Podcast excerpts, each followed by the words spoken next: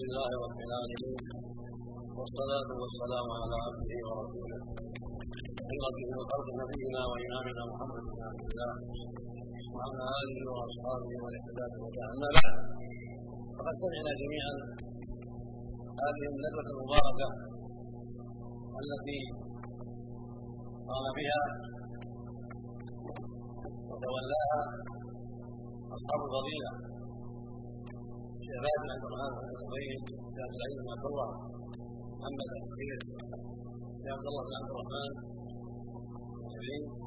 فيما يتعلق بزيارة القبور والبناء عليها وتأسيسها وفي شأن الموتى وفيما يتعلق بسائر البدع التي احدثها بعض الناس حول القبور ولقد أجاد المشايخ وأفادوا وأوضحوا ما ينبغي إيضاحه في هذه المسائل. فجزاهم الله خيرا. وضاعف مثوبتهم وزادنا وإياكم وإياهم علما وهدى وتوفيقا. ونفعنا جميعا بما سمعنا وعلمنا.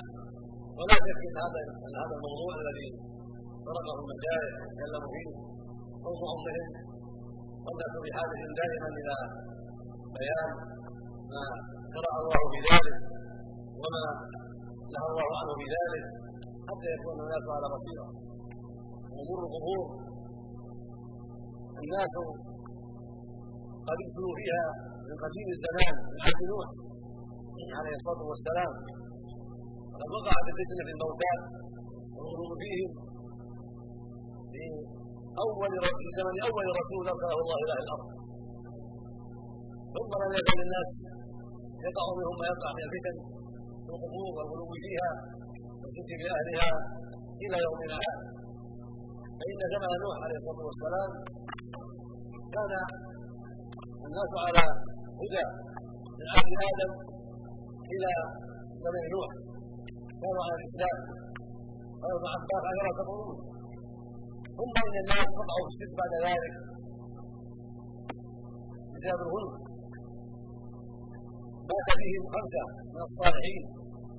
قال لهم رب وسواع ويغوث ويعوق ونسر فعظم عليهم ذلك. وشدت بهم مصيبة.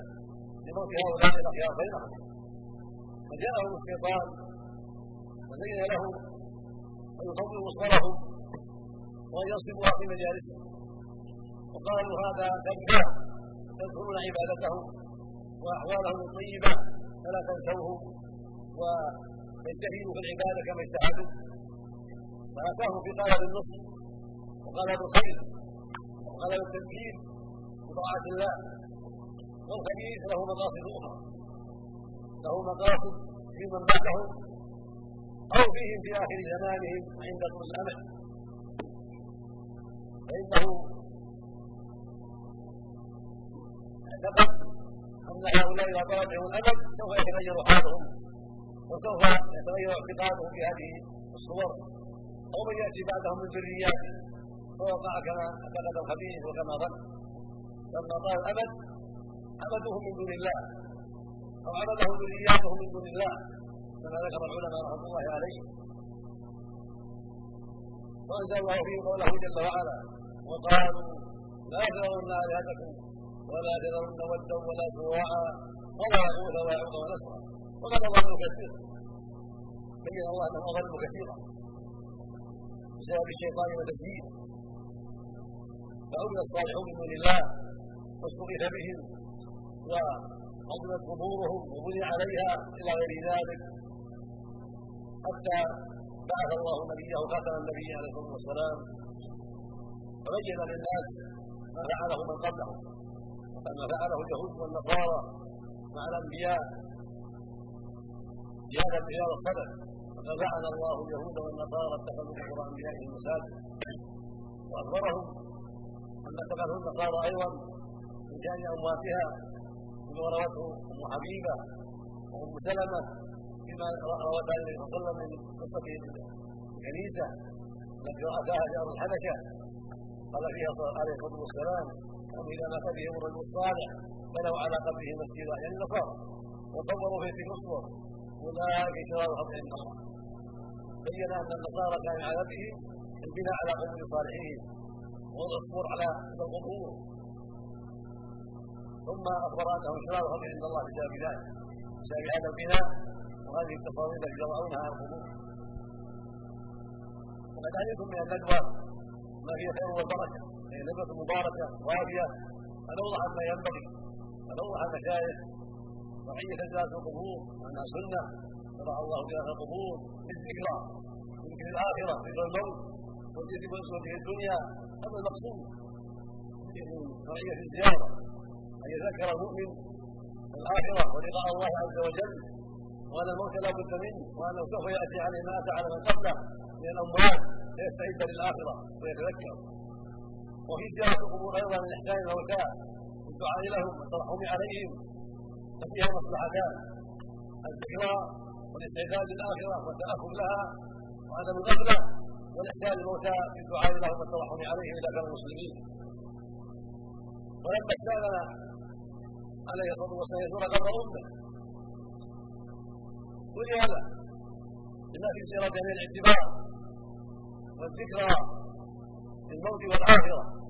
ولما استأذن ان يستغفر له من غله لانها ماتت على الجاهليه على دين قومها. فلم يأذن ان الله يستغفر لها فدل ذلك على أن القبور إذا كانت قبور الكفار لا يدعى لهم ولا يستغفر لهم وإذا كان يتوقف على الاعتبار والذكرى فقط. ذكر الآخرة وذكر الموت. ولكن لا يسلم عليهم ولا يدعى لهم لأنهم ماتوا على غير الإسلام على الجاهلية فلا يدعى لهم ولا يستغفر لهم ولهذا لما سال ربه عليه الصلاة والسلام أن يأذن له بالاستغفار لأمه لم يأذن له. ولما ساله أن له في زياره أهل وأنزل في ذلك جل وعلا ما كان النبي والذين آمنوا أن يستغفروا المشركين ولو كانوا اولي الآية.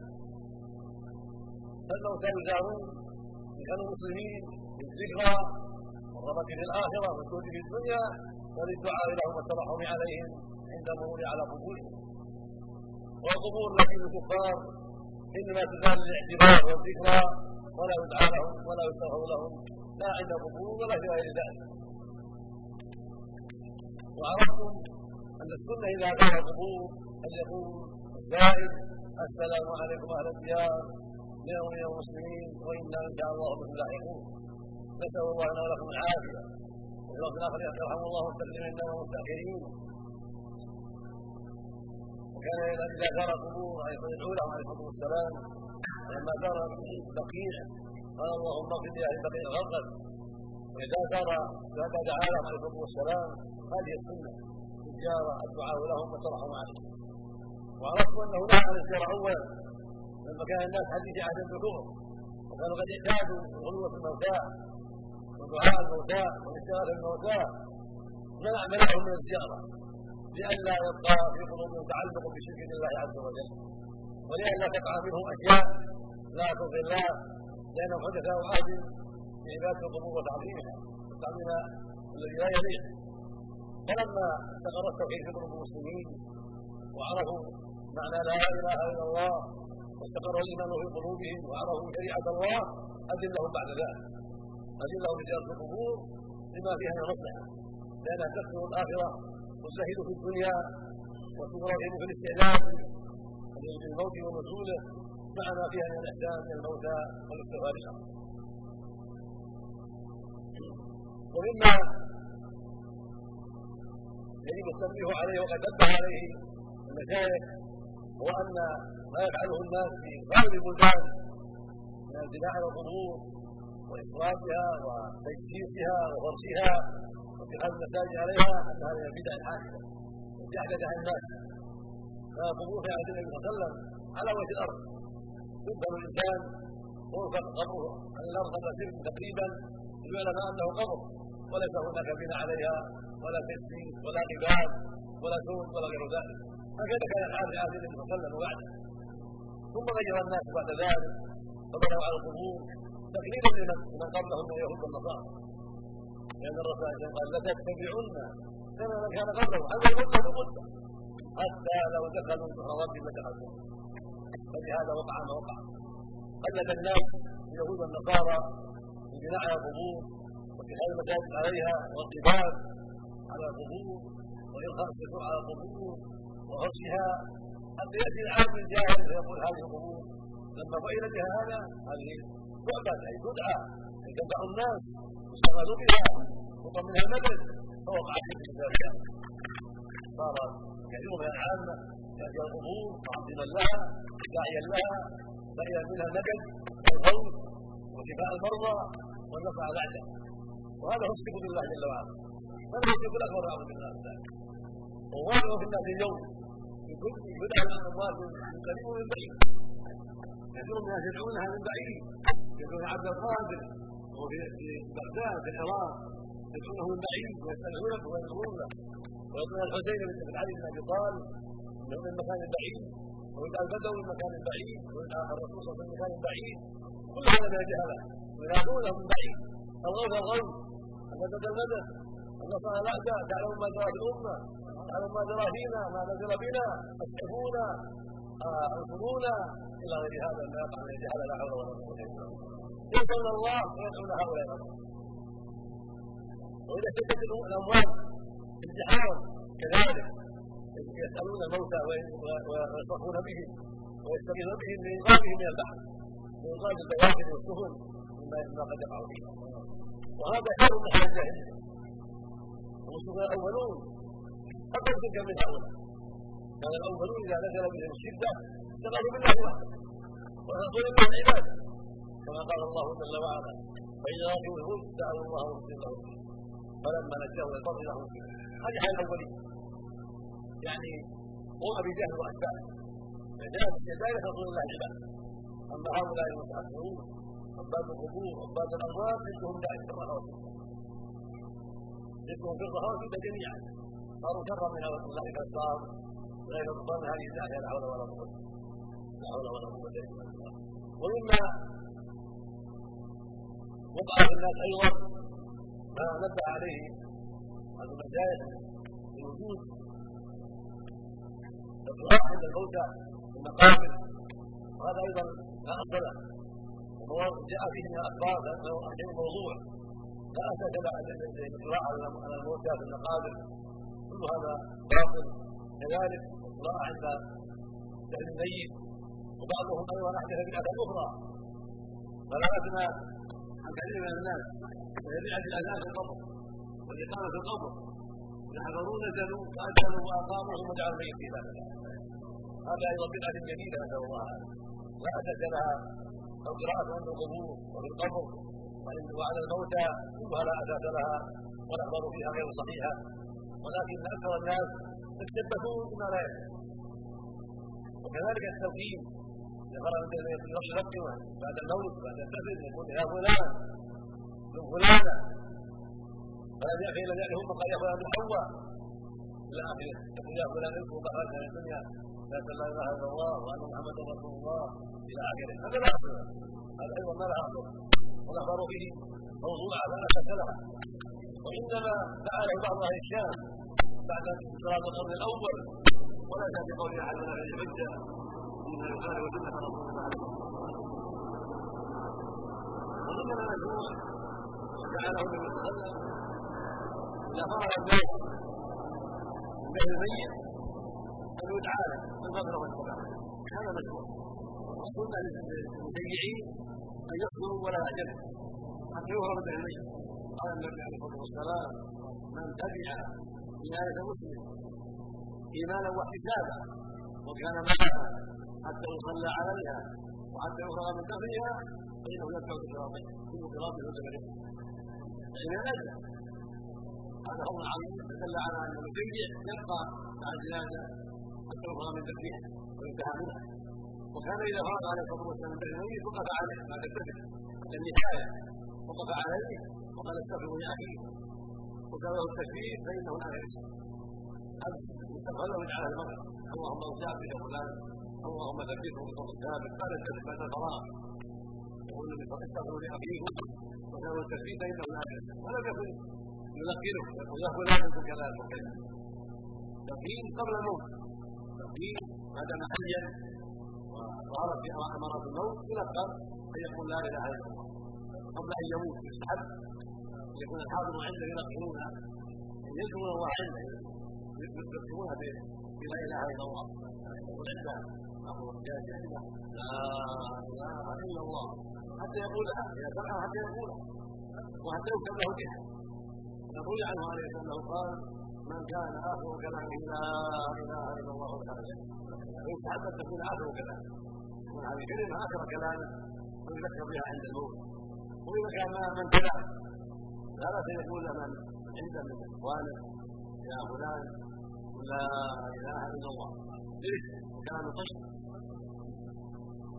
كذلك ما يتعلق على القبور المساجد عليها تاسيسها عرفوا انه بدعه وهنا عن القبور وعن القعود عليها والبناء عليها لو عليها ولا يجلس عليها ولا توضع القبور ولكن ليس شيء يجب ان عن ذلك ولا يبنى عليها مساجد ولا جبال ولا تفرش وفرش ولا يقطع عليها كل ذلك مما احدثه الناس كل هذا من اسباب الشرك بالله عز وجل.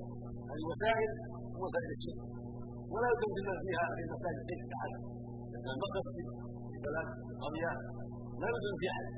واذا دفن في أحد ينبت ويجعل مع المقام بعض الناس بعض البلدان اذا بنى مسجد ثم مات دفنوا فيه. كما دفن الجوال في المسجد هذا غلط.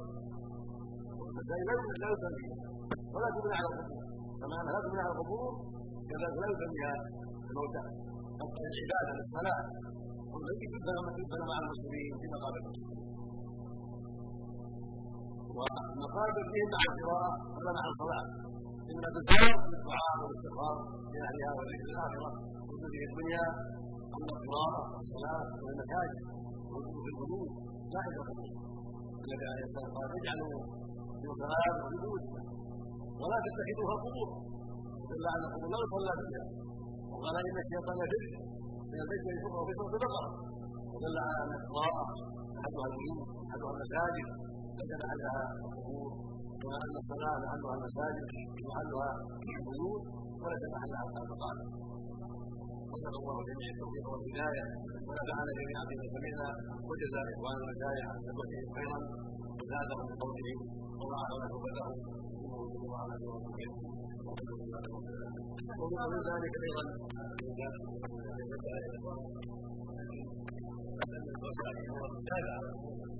الناس قد يكتب على والذي لها كتاب ولها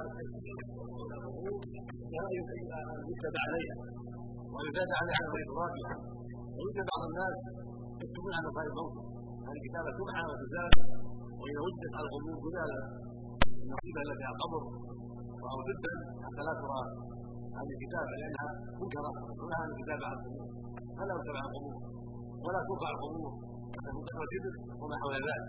ولا ترفع كثيرا لأن الرسول نهى عن القبور وأمر بانزاله الجيد منها عليه الصلاة والسلام. فلا بد من مراعاه هذه الأمور التي نبه عليها المشارع نبه على المشارع ينبغي لأن الإسلام يتعاون بها. كل مسلم مسؤول. كل واحد منكم وأن تبلغونه بعد ذلك هذه الندوة مسؤول. من هذه الندوات أن تستفيدوا وأن تبلغوا من وراءكم لا وحدكم بس كان النبي صلى الله عليه وسلم إذا خطب الناس يقول فليبلغ الشاهد الغائب فليبلغ الشاهد الغائب أنتم ايها الاخوه تبلغون يذهب إلى كذا إلى كذا يبلغ كل ما سمع من العلم هذا قال الله قال رسوله اذا رأى الناس قال الله قال رسوله يبلغ إلى رأى إلى أي جهة إلى أي بلاد رأى بها ما يفعل الشرع رأى كتابه راى بناء القبور مساجد على القبور راى ناس يدعون الموتى ويستلم بهم ويدعو لهم وينبههم ويعلمهم هذا لا يجوز وهذا منكر. يبين له وسيله من الشرك وما هو من الشرك سمى علم سمى سمع وإذا اشكل على شيء يسأل أهل العلم بنفسه ويكتب إليه كتابه يسأل لا حاجة في العلم العلم لا يزال مستحي ولا مستكبر كان العلماء هكذا في الصدر الأول يسالون العلماء ويسافر إليه في مسافات بعيدة قد يسافر العالم إلى أخيه العالم الآخر مسافه طويله على الابل وهو على السيارات على الابل مسافه التجاره أكثر كتب العلم كتب الحديث من المدينة إلى مصر من المدينة إلى الشام من مكة إلى الشام إلى غير ذلك. طلب العلم. وبعضكم يحرق عنده في نفس الطريق ولا ياتي العلم وهي عن خطوات أو في أو في بلاد قريبة ولا يحضرها يكون حلقة هنا. أو والمسجد الحرام وهو مكة. ومسجد المدينة المدينة وهو مكة المدينة ومع هذا لا يحدث على قدره. ولا يزال عنده رغبه يحدث على قدره. كانه اعلم الناس كانه قد حفظ كل شيء هذا من الدهر والجهل المقصود من حلقه العلم ليس طلب حاضر ثلاثة وعشره المقصود فتح الجميع.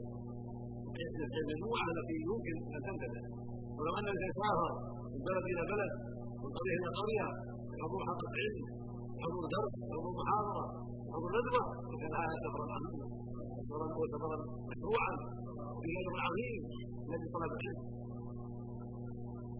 يقول النبي صلى الله عليه وسلم في الصحيح من سلك طريقا يلتمس فيه علما سحر الله له بطريق الجنه وهو مسلم الصحيح هذا اسمعوا هذا. من سلك طريق من الخلف من الرياض أو الندوه أو حلقه علم أو ذهب إلى مكة أو حلقه علم أو إلى المدينة أو إلى أي مكان أو إلى الكويت أو أي مكان.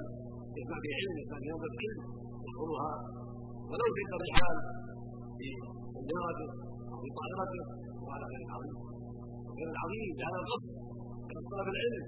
كذلك يقول النبي صلى الله عليه وسلم من يرد الله بخيرا يفكره في الدين. رواه الشيخان في غير الصحيحين.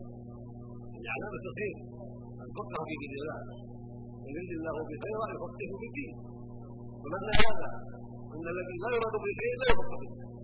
يكون معلم ذلك كذلك في الاذاعه برامج تفيد طالب العلم. اذا حضرها واستفاد وطلب فائده مثل اذاعه القران فيها فوائد من سماع القران قراءة حسنة سماع حلقات علمية في إذاعة القرآن حلقات علمية في التفسير وفي غير التفسير. إذا راقبها الإنسان واعتنى به يستفيد وذلك ينوع على الدرس الذي يذاع كل ليلة في فوائد يكتب فيه المشايخ محجوبة عن سؤالات التأويل هذا برنامج فيه خير كثير. في فائدة ينبغي للرجال والنساء أن يوقفوا على الشمس وأن يقصدون في فائدة. أن يعلم زوجته يعلم أهل من هذا برنامج يسمعون وإذاعة القرآن هو يسمعون الأغاني وفي يضرهم أو يستمعون الكتاب ما يضرهم يحطهم على شيء ينفعهم ما دامت عندهم هذه الأشياء كل الناس بهذه الأشياء. وفيها خير عظيم إنزاع لمن قصد الخير. من أراد الخير تجد فيها خيرا كثيرا إذاعة القرآن إذاعة علوم وفوائد يستفيد منها والقرآن في بيته متى لو يجد الإنسان حلقه العلم؟ متى تجد المرأة حلقه العلم؟ متى تسمع العلم؟ وفي بيتها. والمساجد قليله التي فيها العلم العلم يقرا على بيوتهم يسروا في بيوتهم وفي ثيابهم وبيوت ساعه في الطريق البريه في طريق المذياع لكن بعض الناس يدعو عنها إذا جاء إذا جاءت الأغنية سمعها وأصلا. لكن الملاهي وهذا محرم ولذلك